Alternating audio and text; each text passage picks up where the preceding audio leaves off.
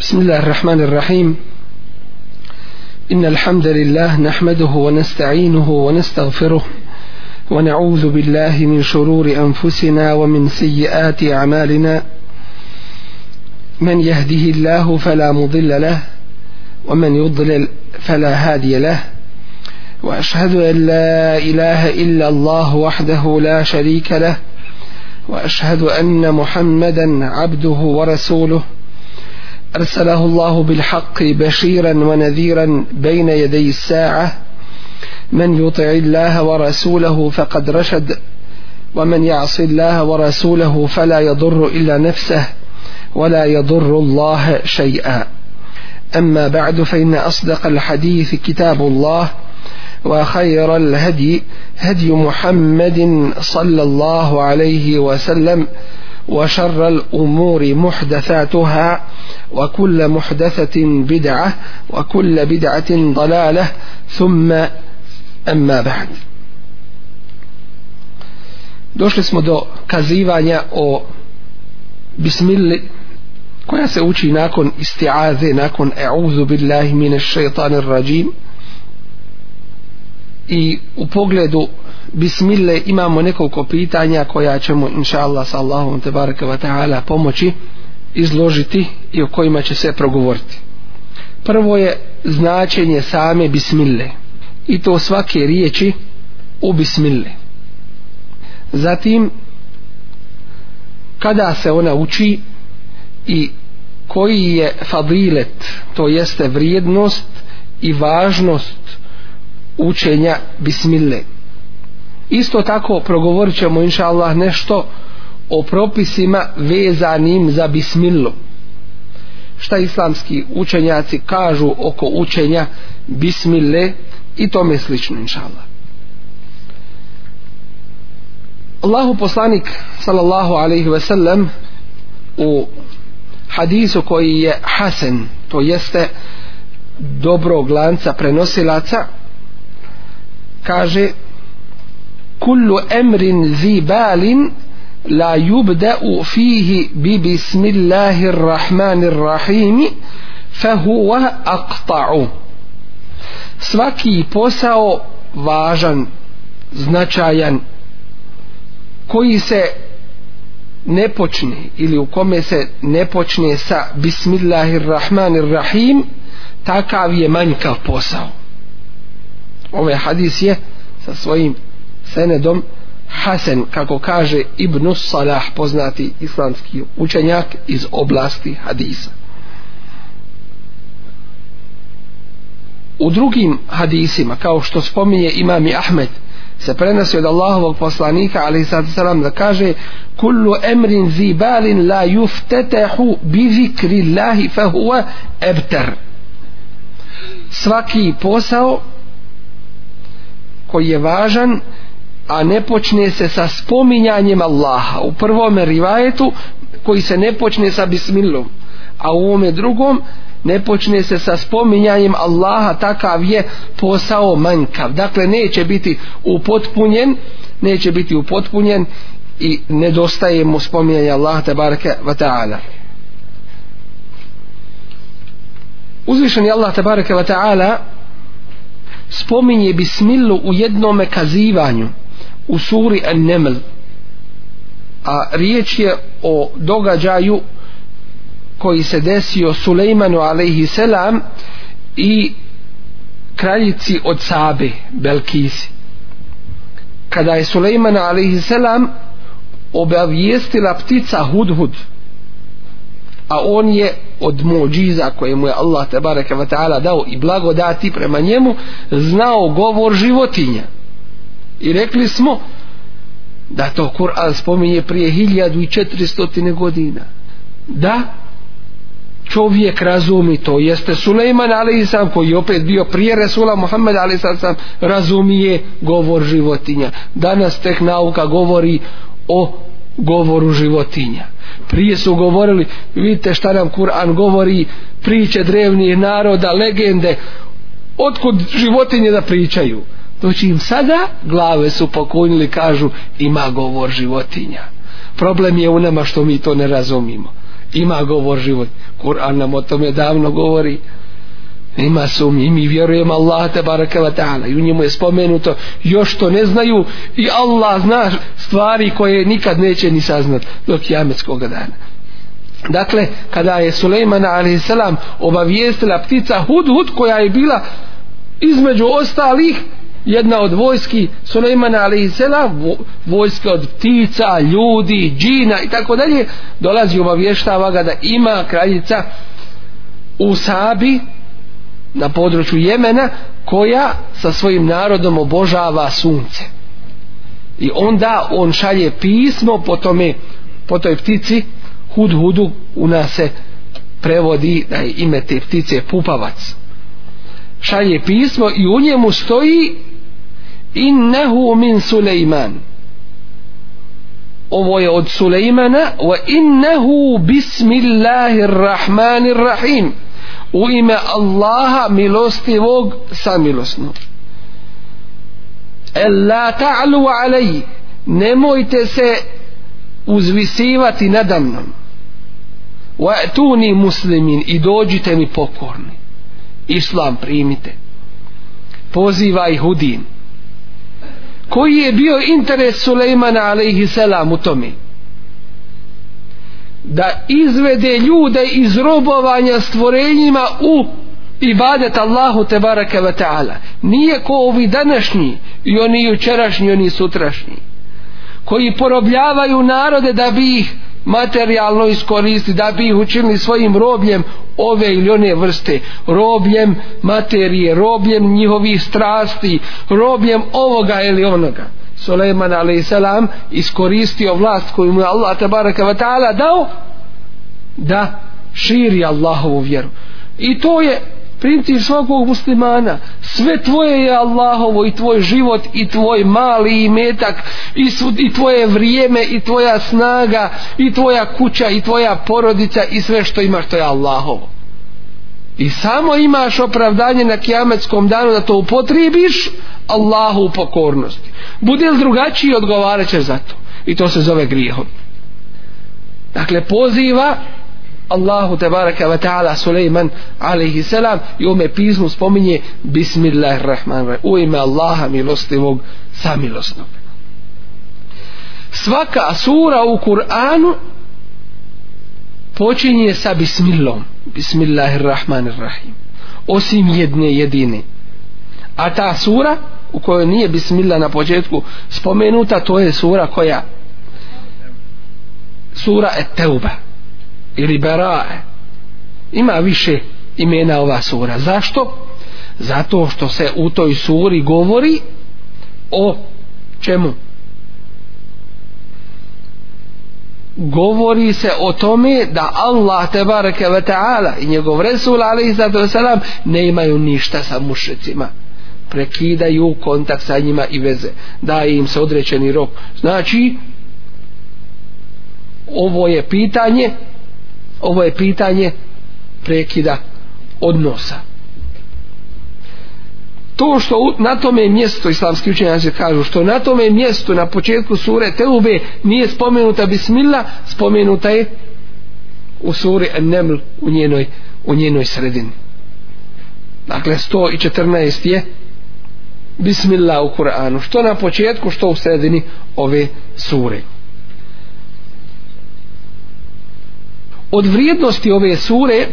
koje se spominju jeste i ono što spominje Ibnu Ebi Hatim u svome tefsiru kako spominje imam Ibnu Kefir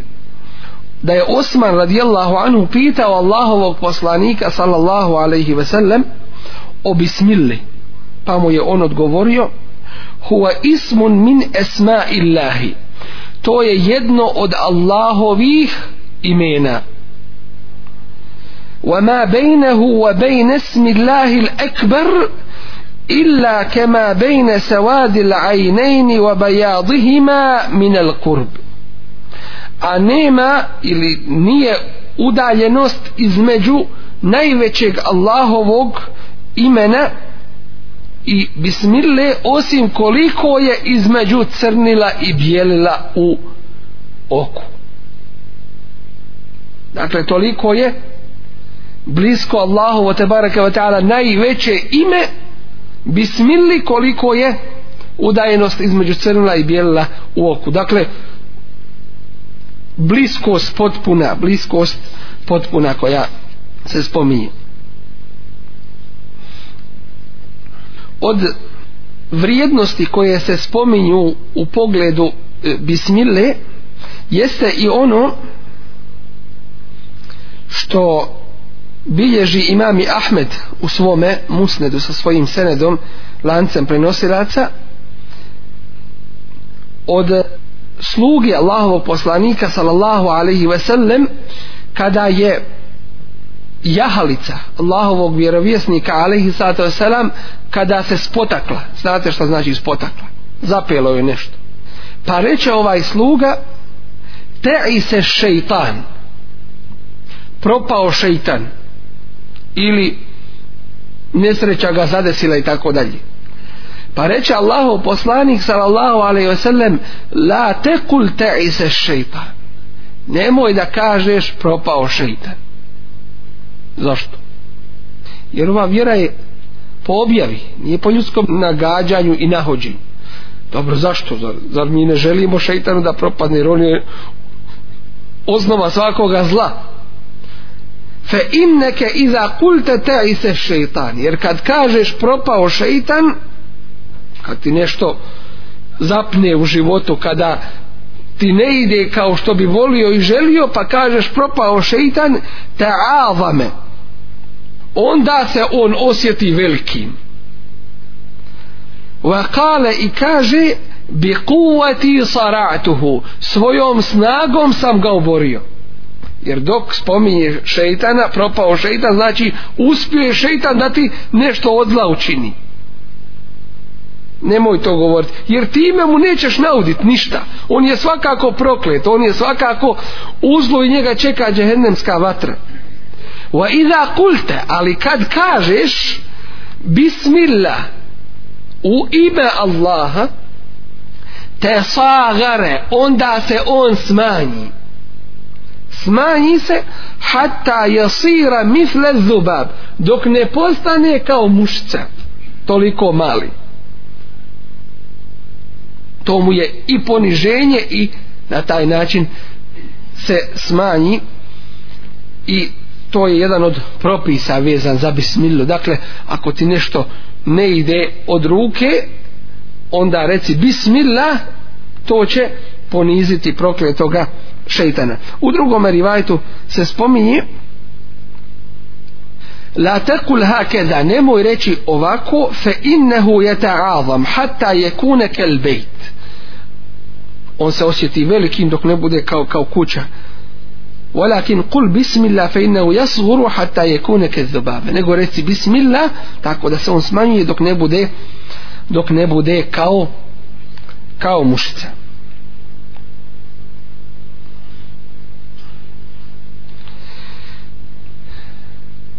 Bismillah se izgovara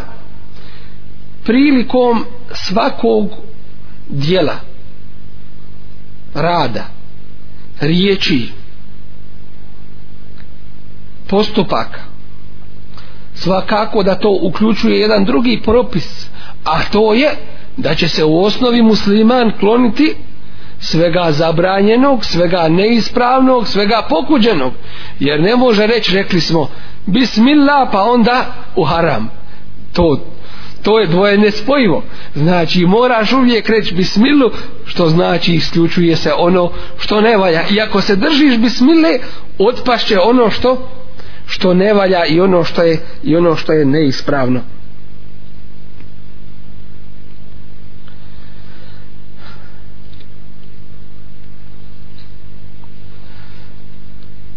kada čovjek počne govoriti pohvalno je da kaže bismillah već smo rekli dakle da svaki posao koji ne počinje sa bismillom da je manjka zatim hadisi su navedeni u pogledu učenja bismille da kažeš bismillah prije ulaska na nečisto mjesto jer na nečistim mjestima borave, borave šeitani dakle kada ulaziš klozet ili na nečista mjesta kažeš bismillah pored one dove Allahumme nije uzubike minel hubuti wal habais zatim kod uzimanja abdesta kod uzimanja abdesta kako je, je hadis od Allahovog poslanika sallam naveden u musledu imami Ahmeda i sunenima od Ebu Hureyre radijallahu anhu la vudu elimel lem jezkur isme Allahi alejhi nema abdesta onome ko ne spomene na njemu Allahovo ime ili pri njegovom uzimanju ili uz njega ko ne spomene, ko ne spomene Allahovo ime po ovome su neki učenjaci zaključili da je obavezno da se da se kaže bismillah prilikom prilikom uzimanja abdesta i ovaj hadis je hasen dobrog lanca prenosilaca ali ono što islamski učenjaci zastupaju jeste da je to da je to mustahab lijepo da se da se uči jer da je ovaj hadis prenešen sahih rivajetima dakle bez, prijeko, bez prijekornim lancem prenosilaca u tome slučaju bilo bi obavezno ali je mustahab dakle kod jednog dobrog dijela učenjaka islamskih Zatim bismillah se uči kod klanja. To je spominjanje Allahovoga imena. Neki je smatraju obaveznom da se kaže bismillah prilikom prilikom učenja prilikom klanja, dok drugi to smatraju da je mustahab, dakle lijepo da se da se čini to ćemo inšala na svom mjestu da objasnimo kada do toga dođemo zatim lijepo je da se bismila spominje kod kod jela po hadisu gdje kaže Allahu poslanik sallallahu alaihi wasallam Omeru ibn Ebi Selemi kul bismillah reci bismillah wa kul bi yaminik kul bi yaminik jedi desnom rukom wa kul mimma yalik jedi ono što je ispred tebe dakle to dijete je bilo u kući Allahovog poslanika ali sam, sam služilo ga jedan period i onda ga je poučio Allahov poslanik kako će to raditi kaže reci bismillah jedi desnom rukom i jedi ispred sebe ko dijete počelo jesti s tih strana u kratkoj u, u kratkom nasijatu Allahov poslanik, ali zato selam ga naučio, ga naučio tome kako će to raditi. Isto tako Bismillah se uči drugim prilikama kako je spomenuto u hadisima Allahovog poslanika, ali sad sam od toga je hadis koji se nalazi i u Buhari i u Muslimu. Kada čovjek priđe svojoj porodici pa kaže Bismillahi u ime Allaha Allahumme džennibne šeitane wa džennibi šeitane ma razaktena. Allahu sačuvaj nas šeitana i sačuvaj ono čime nas obskrbiš od šeitana. Ako im Allah tabaraka wa ta'ala dosudi, ako im dosudi dijete, ono će biti, neće mu šeitan, dakle, mo moći nauditi. Biće sačuvano prokletoga šeitana. Svakako, ovdje se može postaviti pitanje kako ima ih koji prouče ovu dovu, a a dijete da ne može biti onako drugačije nek što jest. Kažemo, ova dova nije formalnost, nije jedna izreka koja se kaže i završeno, već mora imati ostale šartove dove, a od šartova dove jeste da se zna šta dovu činiš, zašto dovu činiš i da ti je srce prisutno, da, da si svjestan šta Allaha Đelešanuhu moliš u pogledu toga što tražiš od uzvišenog stvoritelja te barake vateala. To je nešto što je navedeno u pogledu u pogledu bismile. Dakle, svaki posao koji čovjek radi treba da uči bismilu i što više da je da je spominje. Mm značenja bismile na početku bismile je spomenuto bi ovo bi u arapskom jeziku znači sa neki islamski učenjaci kažu ovo sa dakle sa Allahovim imenom što, što mi prevodimo kažu ovo sa znači učim sve ili radim sve sa Allahovim imenom to jeste ništa neću uraditi a da ne spomenem Allahovo ime to se zove u arapskom jeziku musahabe sohbe znači sve što radim, što govorim što činim pridruženo je Allahovom imenu to jeste to radim uz Allahovo ime dok drugi kažu značenje ovoga sa sa Allahovim imenom jeste tražim pomoć sa Allahovim imenom dakle Allahovim imenom tražim tražim pomoć to se zove istiane traženje, traženje pomoć od Allaha te barake wa ta'ala zatim ism šta znači ism u arapskom jeziku bismi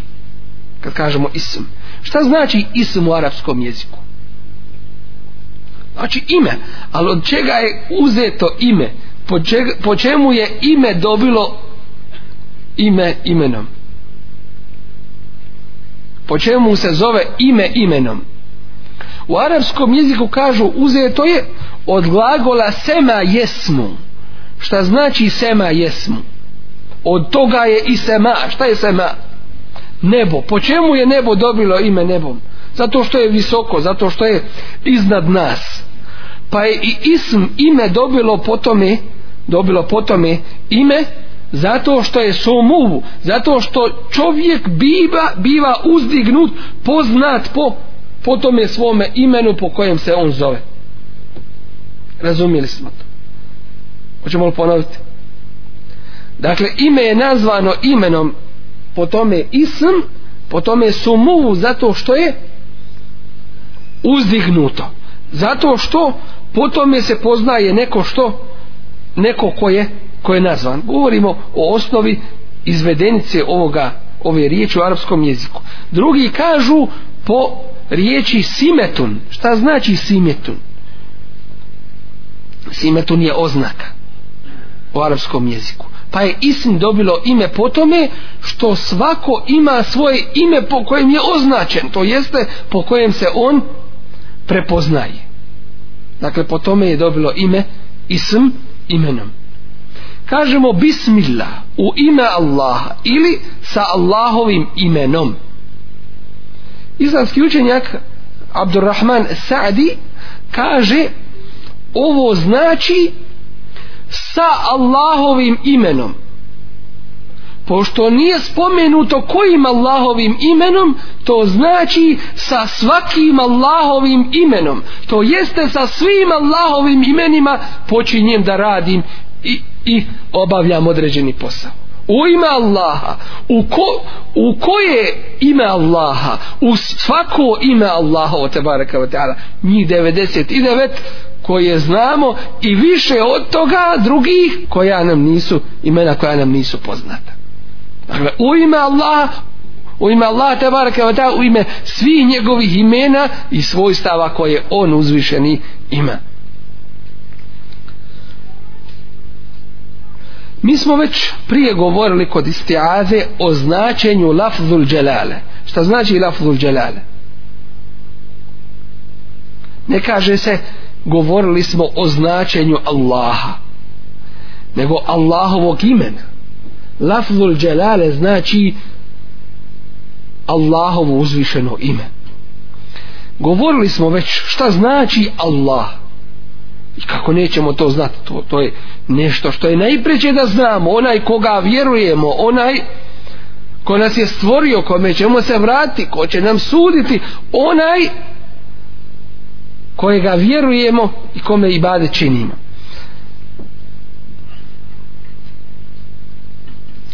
islamski učenjaci navode više značenja uzvišenog imena Allah od toga je od toga je Elihe Ja'la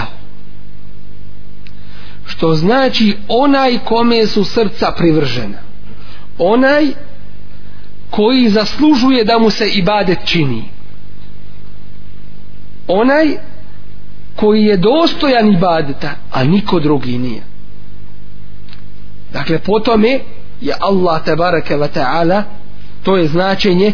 Allahovog djelešanuhu imena Allah. Drugi opet spominju druga značenja od kojih je značenje velihe e, ime lafzul djelale uzeto od glagola velihe. Šta znači velihe? znate li? Znate? U našem jeziku. Treću vam. Znači, ono gdje se razum gubi. Ono gdje se razum gubi. Ono što razum ne može obuhvatiti. Kod nas velihe ovaj glagol ušao je u narodni govor. Kaže se on je vilahija šta znači vilahija bez pameti velihe to je taj to je taj glagol koji je ušao u našem narodnom jeziku velihe znači onaj u pogledu koga mozak staje wala yuhituna bihi ilma ne mogu ga obuhvatiti svojim znanjem kako bi mogao obuhvatiti hajde obuhvati nešto od njegovih stvorenja svojim znanjem možeš li sve znati o čovjeku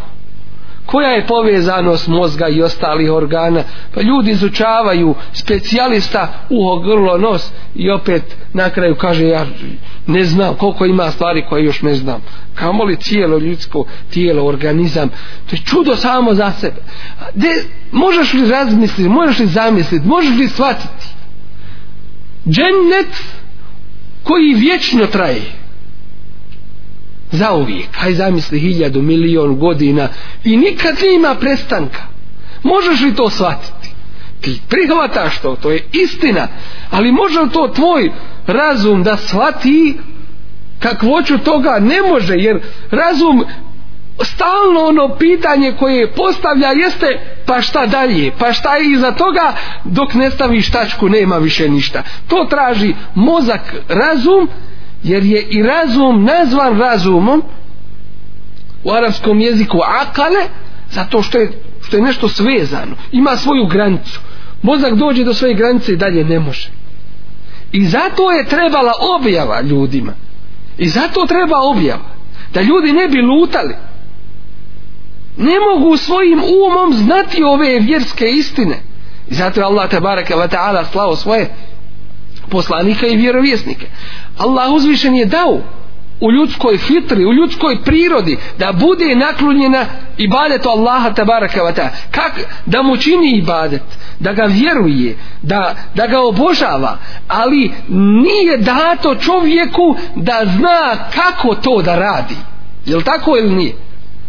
kako ćeš ti ibadet činiti ne prima se bilo kako ne prima se bilo šta e tu treba objava vahij dakle u ljudskoj prirodi fitri jeste ibadet Allahu te baraka wa ta'ala ali kako ćeš ta ibadet činiti to mora vahij kako ćeš spoznat Allaha te baraka wa ta'ala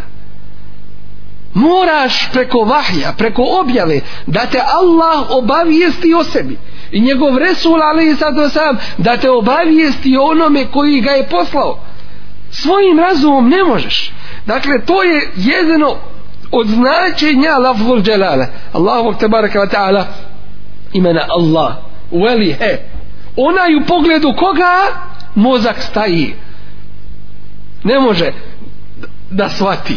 prihvata istina je to po objavi zna da, da su to sušte i savršene istine ali možeš li Allah svati obuhvat ni u kome slučaj nisi u stanju nisi kadar od značenja lafzul djelala uzvišnog Allaha tabaraka wa ta'ala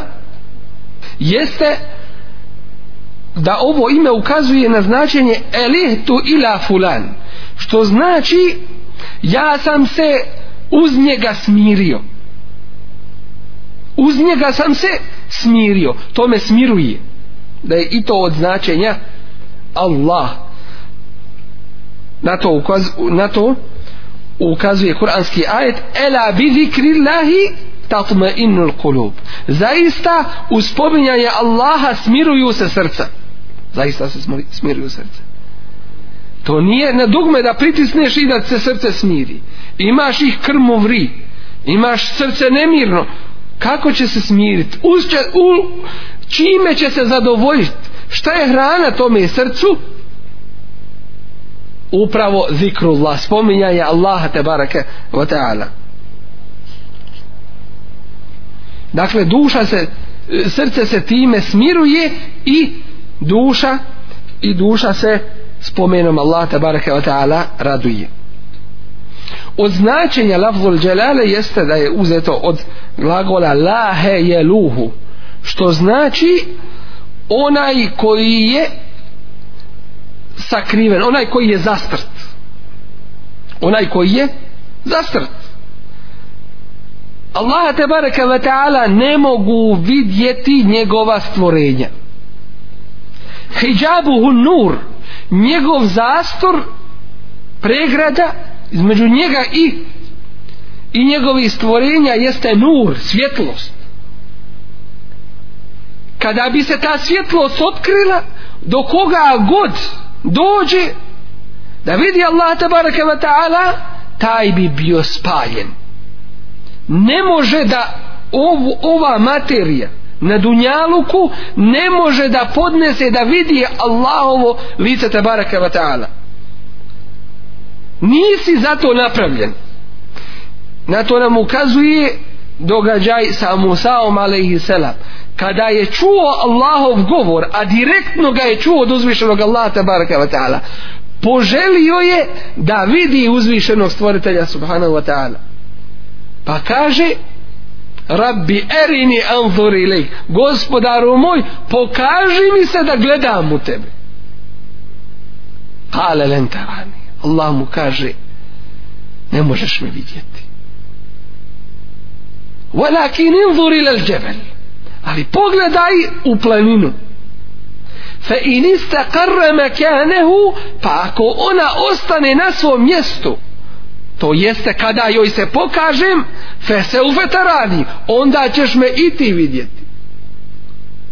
فلما تجلى ربه للجبل فكذا سيغسبدار تفوي اتكريو توي planini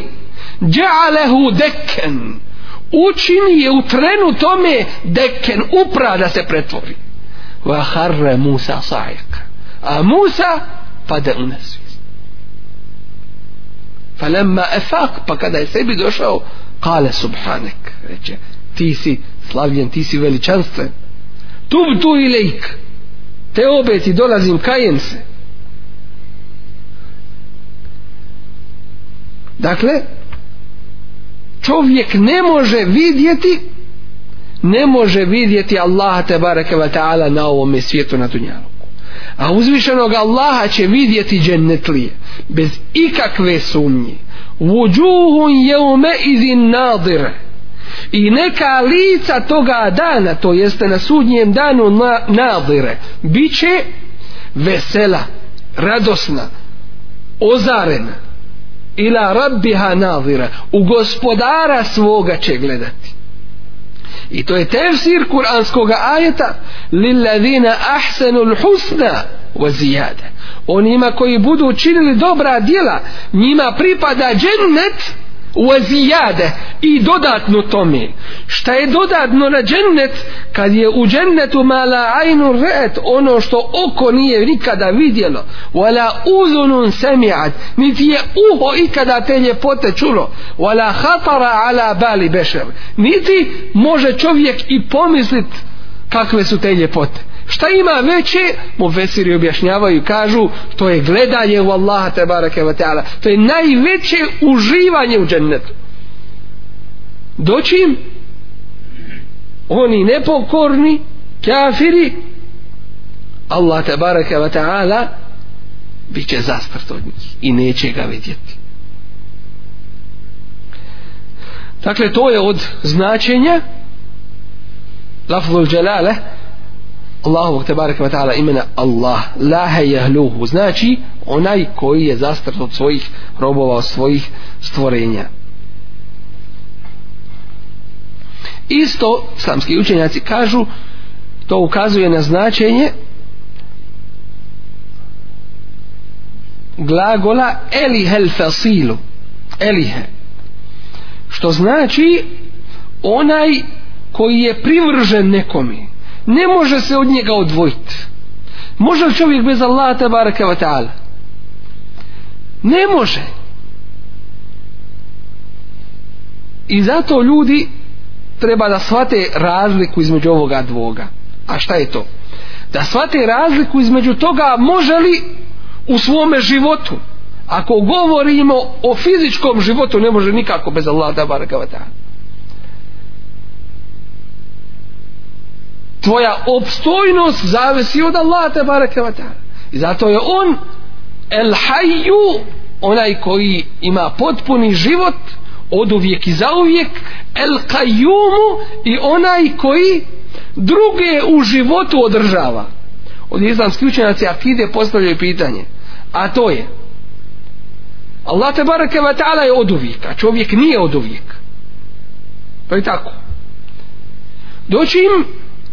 ljudi će na ahiretu biti vječni nema više smrti u rivajtima se spominje da će biti doveden jedan ovan zapravo smrt u obliku jednoga ovna na kijametskom danu pa će se pozvati dženetlije i pozvati dženemlije da vidi pa će se ta krv pa će se taj ovan zaklati to jeste smrt nestaće smrti umrijeće smrt neće više bit, neće postojati više smrt pa će još više džennetlije biti, biti obradovane znači zauvijek su u džennetu a džennemlije još više ožalošćene okarene to će tako biti ali šta znači kad kažemo Allah uzvišeni je zauvijek a tu će dženetlije i dženemlije biti za uvijek jel tu postoji sličnost kažemo ne postoji kako zar nije i to i ovo vječnost kažemo Allahova te barke va ta'ala vječnost jeste potpuna i savršena vječnost koja je samostalna i nije ovisna ni od koga doći im ljudska ovisi od Allaha te barake va ta'ala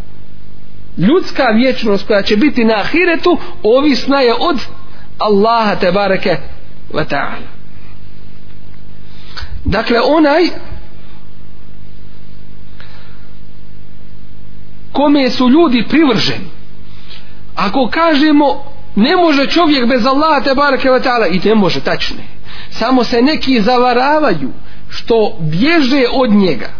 što izbjegavaju njegove propise i misle da su mu izmakli. A oni su opet pod Allahovom vlašću. Jer da, da hoće i kad hoće, u jednom času im dušu uzme. U jednom času mijenja njihovu situaciju. Dakle, oni ne mogu bez njega. Bili svjesni toga ili ne bili svjesni. Jedino je pitanje jesu li mu pokorni, zašto će biti nagrađeni ili nepokorni, zašto će biti zašto će biti kažnjeni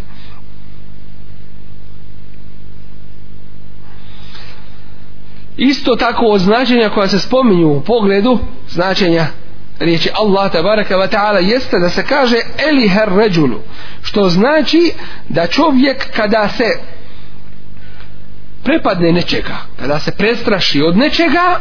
traži utočište traži zaštitu skrovište i sklonište I zato se u dovi koja se uči prije spavanja uči šta? La melđe'e wa la menđa minke illa ilajk. Nema skloništa. Melđe se zove sklonište u arabskom jeziku, ako vam kad zatreba. Melđe znači da se sklonimo od tebe. Da se zaštitimo od tebe, sačuvamo od tebe. Ne možeš. Ako budeš nepokoran pa da se onda sačuvaš od Allaha, ne može. La melđe, wa la menđa, niti spasa. Minke od tebe, illa ilajk. Osim samo da idem tebi, da ti budem pokoran. To učiš to dovu prije, prije spavanja neposredno. I zato se kaže u kuranskom ajtu, wa huwa yujiru. I on je taj koji pruža sigurnost wala yujaru alayhi a nema toga koji će bilo kome pružiti sigurnost u pogledu Allaha te bareke ve taala da ti neko da garanciju siguranci od Allaha koja je to država partija sistem politika svjetski novi poredak i novi i stari ništa ne vrijedi vallahi on je taj koji pruža sigurnost pogledu drugih da te sačuva ako je Allah te barakeva ta'ala s tobom niko ti ne mere nauditi niko ti ne može štetu nanijeti doćim da ti neko pruži sigurnost mi smo uz tebe da ćemo ti vizu državljanstvo da ćemo ti socijalnu pomoć da ćemo ti zdravstveno osiguranje, a melek smrti dođe u čas. Ko ćete sačuvat od njega? Od Allahove odrezbi. Wala yujaru alayh. Nema toga ko ćete zaštititi od Allaha te baraka ve taala. Dakle onaj koji pruža zaštitu Allah te baraka ve taala, to je isto od, od značenja lafzul jalala od značenja Allahu te baraka ve taala imena Allah onaj koji daje blagodat vama bikum min ni'metin femin Allah koja god blagodat je kod vas femin Allah, to je od Allah to je od Allah i rekli smo ili nismo rekli smo jednu dovu koju čovjek kada prouči Allahu je zahvalio koja je to dova ko će nas podsjetiti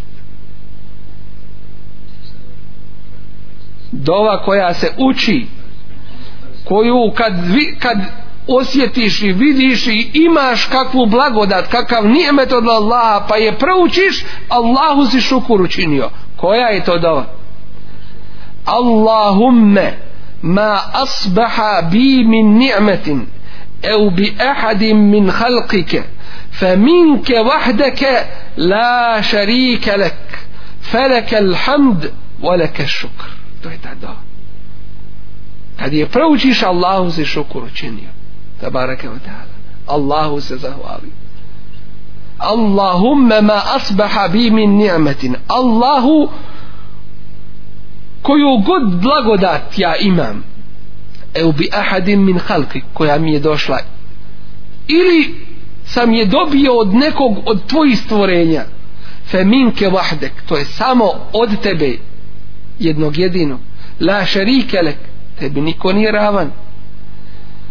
feleke hamd tebi hvala pripada veleke šukr i tebi zahvala pripada i hvala i zahvala hvala jer si dostojan hvale a zahvala jer si mi dao ove, ove blagodati zatim onaj koji hrani wa huwa yut'imu wa la yut'am on je taj koji hrani wala yut'am a ne biva hranjen Kuranski ajet kaže وَمَا خَلَقْتُ الْجِنَّ وَالْإِنْسَ إِلَّا لِيَعْبُدُونَ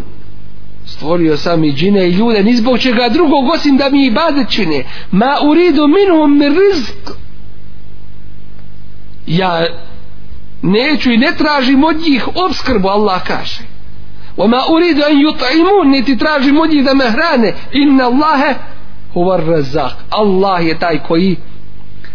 koji hrani Allahu ne treba ni hrana ni piće, ni spavanje to treba njegovim stvorenjima a on uzvišeni je neovisan i on je uzvišeni tebara kao savršen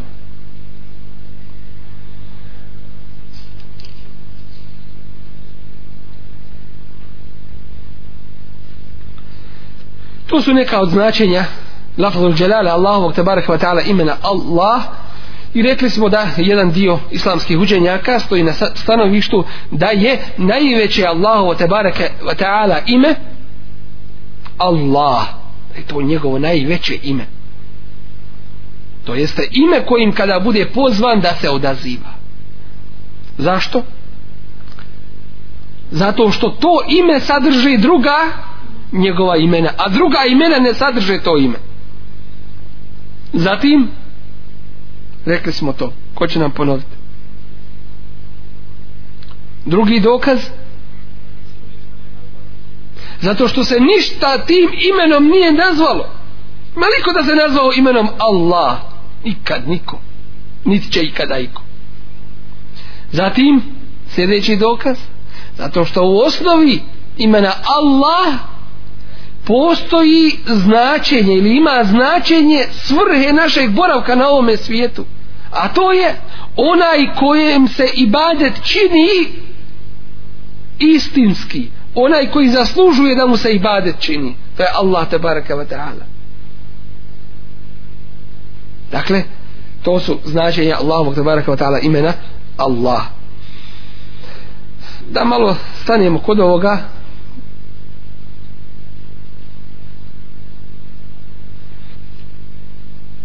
šta znači kad kažemo bismillah šta znači u ime Allaha znači ali šta to znači u ime Allaha islamski učenjaci kažu ovdje nešto nije spomenuto ali se podrazumijeva kažeš u ime Allaha milosti Bog samilosno ali šta u ime Allaha šta se dešava Nemaš glagola ovdje, nije spomenuto šta se radi. Nego samo si rekao u ime Allah. A šta u ime Allah? Kao što bismo mi rekli u našem jeziku, nije dorečeno. Nije dorečeno. A to je upravo tako i ostavljeno. Da bi obuhvatalo sve što hoće da se kaže. Kada bi se reklo učim u ime Allaha to bi obuhvatalo samo učenje u ime Allah, jel tako? Kad bi se reklo klanjam u ime Allah, obuhvatalo bi samo klanjanje u ime Allah. I tako dalje. Doći im ovdje se kaže u ime Allaha šta? Sve dozvoljeno i ispravno, a ono drugo i nećemo. Jel razumite? Dakle, kad, ne, kad je nešto spomenuto, U Kur'anu to ima svoju mudrost. A vallahi i kad nešto nije spomenuto u Kur'anu, što je još veće čudo, ima svoju mudrost. Što je ovo spomenuto? Mudrost. A što ovo nije spomenuto? Mudrost. Sve na svome mjestu. Islamski učenjaci isto tako kažu. Nakon što smo vidjeli da ovo obuhvata sve ljudske radnje dakle kad god nešto hoćeš da radiš kažeš bismillah a to se odnosi na tu radnju koju radiš bismillah idem bismillah spavam bismillah ustajem bismillah jedem bismillah ulazim u kuću bismillah izlazim iz kuće bismillah ulazim u džami izlazim iz džami sve što radi s bismillom dakle sve to obuhvata bismillah ali gdje to stoji je li na početku ili na kraju šta hoćemo da kažem kad kažemo u ime Allah da li to znači u ime Allaha učim ili učim u ime Allaha ima li to razlike kažemo i te kako ima kako Ako kažeš u ime Allaha učim ili radim bilo šta drugo, to znači samo u ime njegovo. U ime Allaha to radim. Znači ne u ime nekoga drugoga. Ovdje ističeš, ovdje se razumije iz ovoga ihlas. Dakle, iskrenost tvoga dijela. Da to što radiš, u ime Allaha radiš, a ne u ime nekoga drugog. Jer kad na početku kažeš u ime Allaha radi, znači ne u ime nekoga drugoga. U našem običnom jeziku, kad dođeš čovjeku kažeš tebi sam došao. Šta to znači tebi sam došao? Znači nisam nekom drugome, masu s tebi. A osnova bi redoslijeda bila govora došao sam tebi. Jel tako? A može biti nekom drugom. Ali kad kažeš tebi sam došao, kao da si rekao nikom drugome samo tebi, maslu s tebi evo ovdje je to znači, razumi dakle u ime Allaha učim u ime Allaha radim ne u ime nekoga drugog, to je jedno znači razumite razumite Drugo značenje, kažu, dolazi na početku glagol. Znači, radim ili učim u ime Allaha kako to, to ima značenje kada i to se spominje u tefsiru i to uzmite kao jedno pravilo a to je kada glagol vi znate šta je glagol označava radnju stanje ili zbivanje neko radnja stanje ili nečije zbivanje neč, zbivanje nečega kada počinje rečenica sa glagolom onda ona ukazuje na teđdid obnavljanje nečega drugim riječima kad kažeš uči mu ime Allaha drugim riječima kao da si rekao uvijek kada učim učim mu ime Allaha obnavlja se kad god učim učim mu ime Allaha kad počinje rečenica glagolom jer glagol ukazuje na radnju da se nešto radi, čini, obnavlja, ponavlja i tako dalje doći im može biti i drugo značenje ili treće u ovome slučaju a to je da počinje imencom a to je moje počinjanje ili moje učenje jeste sa bismillom kakva je sad razlika moje počinjanje znači to je moje svojstvo jer kada rečenica počinje sa imenom kad je imenska rečenica ona ukazuje na svojstvo nečega moje svojstvo je da sam uvijek uz bismillu razumijeli ste ova tri značenja ili ukazuje na stalnost radnje ponavljanja ili ukazuje da ti je to postalo to je tvoje stalno svojstvo ili ukazuje na na ihlas samo u ime Allaha to radim a sve to ima svoju potporu u Allahovoj knjizi Allah te baraka wa ta'ala kaže ikra bismi rabbik uči u ime gospodara tvoga u ime gospodara svoga Dakle, na prvo mjesto došlo uči, pa onda u ime gospodara Na drugom mjestu kaže Bismillahi međriha wa mursah U ime Allaha ona plovi i pristaji govori o Nuhovoj lađi lađi Nuha a.s. pa kaže Bismillahi u ime Allah ne u ime nekoga drugoga međreha je njeno plovljenje da je Allah sačuva da se ne potopi u amursaha i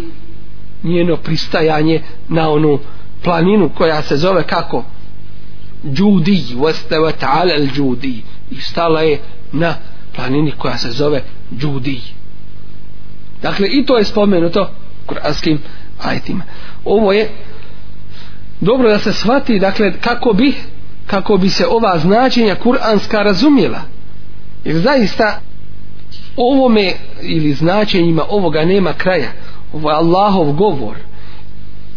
i mi govorimo o jednom značenju ovoga a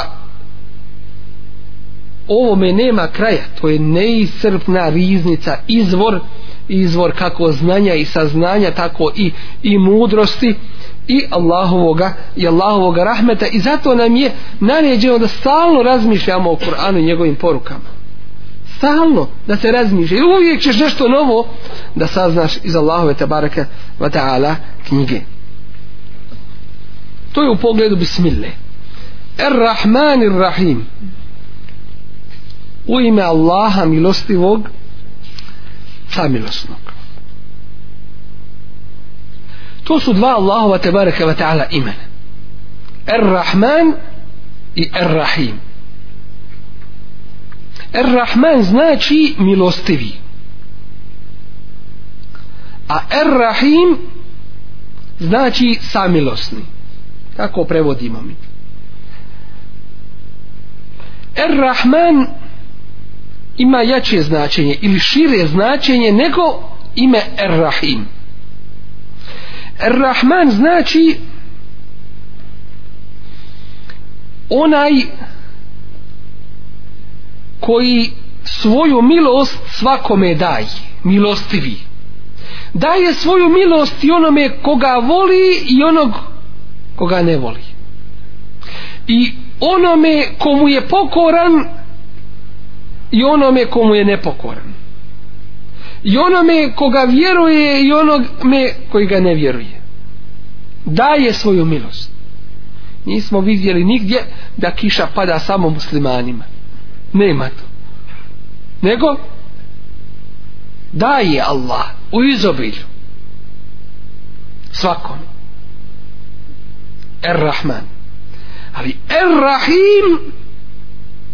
wa kane bil mu'minina rahima a on je mu'minima, vjernicima samilostan upućuje ih pravim putem na dunjaluku a daje im džennet na ahiretu isto tako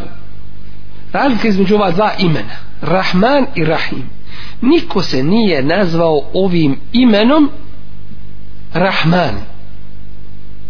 osim jedan čovjek a koji je to bio? Musejlema el Kezab jeste li čuli za njega lažni poslanik koji se pojavio među ljudima pred kraj života Allahovog poslanika Muhammeda sallallahu alaihi ve sellem i sebi pripisao poslanstvo ili kada je sebe nazvao ovim imenom Rahman, zvao se Rahmanul Jemame milostivi Jemame toga mjesta gdje je stanovao Allah mu je dao da dobije ime po kojem ga ljudi poznaju a to je El Kezab veliki lažac kada se nazvao Allahovim imenom Allah je dao da bude nazvan Museileme El Kezab da potom je nadimku bude poznat po tome da je veliki lažac nije Kezab ne samo lažac nego Kezab onaj koji je prevršio svaku mjeru i granicu u lažima doćim što se tiče imena Rahim samilosni Allah te baraka wa ta'ala naziva svoga poslanika Muhammeda sallallahu alaihi wa sallam ovim imenom ali razlika između Allaha te baraka wa ta'ala kao stvoritelja i njegovoga stvorenja makar se radilo i o Allahovom poslaniku Muhammedu sallallahu alaihi wa sallam Lekad džaekum resulum min enfusikum. Došao vam je poslanik jedan između vas. Azizun alejhi ma anittum. Teško mu je zbog nedaća na koje vi nailazite. Harisun alejkum. I on želi puno mu je stalo da da budete na pravom putu bil mu'minin u pogledu mu'mina Raufun je blag, Rahimun milostiv. Dakle, ovdje se spominje Rahim u pogledu milostivi, onaj koji je milo, samilostan u pogledu Resula sallallahu i vjernika. Kaže bil mu'minin u pogledu vjernika Raufun je blag i i Rahim samilostan. Što znači nije u pogledu nije u pogledu drugih dakle Rahman znači i obuhvata sve vrste Allahove tebareke ve ta'ala milosti dočim Rahim to je Allahova tebareke ve ta'ala milost u pogledu mu'mina pogledajmo ovdje kako je Allah tebareke ve ta'ala to spomenuo kad kaže i govori o svom uzvišenju kaže sum mestava alal arš zatim se uzvisio nad nad aršom A arš šta je arš? To je prijestvo Allaha te baraka wa ta'ala iznad sedam nebesa. I ništa nije kao on uzvišen. Er Rahman zatim kaže milostivi. Ovdje spominje ovo svoje ime Er Rahman. Što? Da bi obuhvatilo sve ljude. Dakle, Allahova milost sve obuhvata. I zato Allah kaže Wallahu jed'u ila daris selam. Allah poziva u kuću spasa. Koga poziva? Sve poziva. Nije rečeno koga objekat. Poziva sve. Ali koga će upust? Jehdi men ješao ila sratim muslim. Upućuje koga hoće na pravi put. A to koga hoće nije kao ljudsko ko, koga ja hoću ili ovaj ili onaj. Nego da je Allahovo sa znanjem, sa mudrošću na mjestu koga Allah odabere. Ko je za upute, Allah će ga uput. Ko traži, ne onaj ko se okreće ne onaj ko ne traži jer Allahovo ovo je skupo je vrijedno ne može se mjeriti njegova vrijednost sa bilo čim na ome, na ome svijetu I zatim kaže er rahmanu ala l'arši steva milostivi nad aršom se uzvisio dakle da bi ta, to Allah te ime obuhvata svaku vrstu milosti da bi obuhvatilo sve ljude ali posebna milost pripada pripada samo iskrenim muminima Allah tabaraka wa ta'ala koje Allah tabaraka wa ta'ala upućuje pravim putem dakle u Allahovom tabaraka wa ta'ala imenu Allah i u njegovom imenu kojem Er Rahman niko nije sudjelovao ni učestvovao to što kažu za Museileme El Kezaba dobio je svoju nagradu ili kaznu na Dunjaluku, a na Ahiretu što ga čeka, to je puno žešće i gore i gore za njega. Dakle, ne može se, ne može se niko tim imenom nazvati. Drugim imenima može i postoji razlika između između Allahu i Tebaraka wa ta'ala imena imena njegovih stvorenja. A primjer kaže se u kuranskim ajetima možemo spomenuti samo neka na primjer inna khalaqnal insana Allah kaže mi smo stvorili čovjeka min nutfatin amshajin od jednog malog djelića sjemena koji je izmiješan ne bi te lihi pa ga iskušavamo fa dja'alna u semijan basira pa smo ga učinili semijan da čuje basira da vidi od Allahovi imena jeste semija i Basir pa onaj koji vidi, onaj koji čuje. Ali, gdje je naš ljudski sluh i vid u pogledu Allahovog te baraka wa ta'ala? Jedan zvuk da čuje, ne sprečava ga da čuje milijone drugih zvukova. Rekli smo kad smo govorili o vrijednostima Fatija, inša Allah, bit će još prilike da govorimo o tome, kad čovjek u namazu kaže Elhamdulillahi Rabbil Alamin Allah mu odgovara i kaže Hamideni Abdi hvali me moj rob i s Allahom govoriš to ti je prilika jedna i svako ko uči u namazu koliko je miliona onih koji klanjaju Allah im odgovara svima hvali me moj rob tako dalje po onome hadisu koji smo prije spomenuli Dakle, ne spriječava ga kad čuje jednog da čuje milione drugi, kad govori jednom da govori milionima drugih, za njega nema nevidljivog i nepoznatog. Ono što mi još nismo ni otkrili i ne znamo, kod Allaha je alimul gajbi wa šahade, onaj koji zna gajb za nas nevidljivo i šahade ono što se vidi, njemu je to svejedno. Za Allaha nema gajba u pogledu nas je gaib nevidljivo, nepoznato za Allaha to nema njemu je sve vidljivo, njemu je sve poznato i zato se mumin stidi Allaha tebareke ve ta'ala stidi Allaha tebareke ve ta'ala da radi grijehe da mu bude nepokoran jer kako ćeš biti nepokoran onome koji te gleda koji te čuje onome koji sve o tebi zna i onome koji te stvorio i kome ćeš se na kraju ti vrati kako ćeš mu biti nepokoran je li moguće teoretski nije ali praktično ljudi ljudi su ljudi dakle prevari ih nekada šeitan i zato ne kažemo da su bezgriješni ali se vraćaju to obe čini Allahu te barake wa ta'ala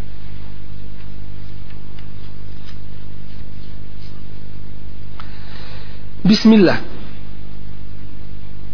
Da li se uči u namazu ili se ne uči? I kakav je stav islamskih učenjaka u pogledu u pogledu toga? Imam Šafija je stava da se uči bismillah i to na glas. Dakle, imama ćete čut nekada da da počinje Bismillahirrahmanirrahim Elhamdulillahi Rabbil Alamin toga stava je imami Šafija suprotno tome je imami Malik koji kaže ne uči se Bismillah ni naglasni u sebi a između ova dva mišljenja i stava jeste stav imama Ebu Hanife i imama Ahmed ibn Hanbala koji kažu uči se bismillah ali se uči ali se uči u sebi i ovaj stav je najjači a Allah tabaraka wa ta'ala najbolje najbolje zna zato što se tačno i pouzdano zna da su prva četvorica halifa učili bismillu u sebi u namazu a oni su bili najučeniji u pogledu sunneta Allahovog poslanika sallallahu alaihi wasallam i to je dokaz I mi vidimo ovdje kad govorimo o učenjacima i o fikskim školama govorimo i o dokazima to je dokaz ovoga najjačeg mišljenja po kome i mi radimo dakle uči se bismillah ali se uči u sebi ne uči se glasno Znači imam i Malik je zasnovao svoj stav, to jeste da se ne uči Fatiha ni na glas, ni u sebi po hadisu kojeg bilježi imam i Muslim. Gdje se kaže od Aisha radijallahu ona da je Allahu poslanik sallallahu alaihi ve sellem počinjao namaz sa tekbirom i učenjem elhamdulillahi rabbil alemin. Dakle, ne spominje se Bismillah u ovome. U drugom hadisu kojeg bilježi i Buharija i Muslim se kaže Sallaytu halfen nebije sallallahu sallam wa Ebi Bekrim wa Umar wa Usman fe kenu jeftetihune bilhamdulillahi rabbil alem gdje kaže Enes ibn Malik klanjao sam za Allahovim poslanikom sallallahu sallam Ebu Bekrom i Umarom i Osmanom i počinjali su alhamdulillahi rabbil alem učeći. Dakle, nisu učili uopšte bismillu. Istoga imam i Malik zaključuje, nema nikako bismille. Ali to ne znači da nema to ne ukazuje na na to da nema mislim je da se ona ne uči da se ona ne uči u sebi isto tako u muslimovoj zbici se spominje hadis da nisu učili bismillahirrahmanirrahim na početku učenja to ne znači da nisu učili u sebi dakle stav imami malika je u skladu ili može se može se uskladiti sa e, stavom imama Ebu Hanife imama Ahmeda ibni Hanbala rahimahumullahu ta'ala da im se Allah svima smili dođim što se tiče imama Šafi koji stoji na stanovištu da se uči bismillah na glas kakvi su njegovi dokazi ovo spominjem između ostalo da se zna ovaj propis i drugo da vidimo da ovi islamski učenjaci da ove fikske pravne škole da to nije tek tako ja naučio tako raditi gotovo nego svaki ima svoj dokaz, svaki ima svoju potvrdu. Dakle, on zastupa stav da se uči bismillah po tome što je Ebu Hureyre radijallahu anhu jednom klanjao pred ashabima i proučio bismillah ar-Rahman rahim na glas. I kaže, ja vam klanjam onako kako je klanjao Allaho poslanik sallallahu alaihi sallam. Dakle, proučio bismillu, proučio bismillu na glas. Zatim u Sahihu Buhari se spominje hadis da bi Allahu poslanik sallallahu alejhi ve sellem kada bi učio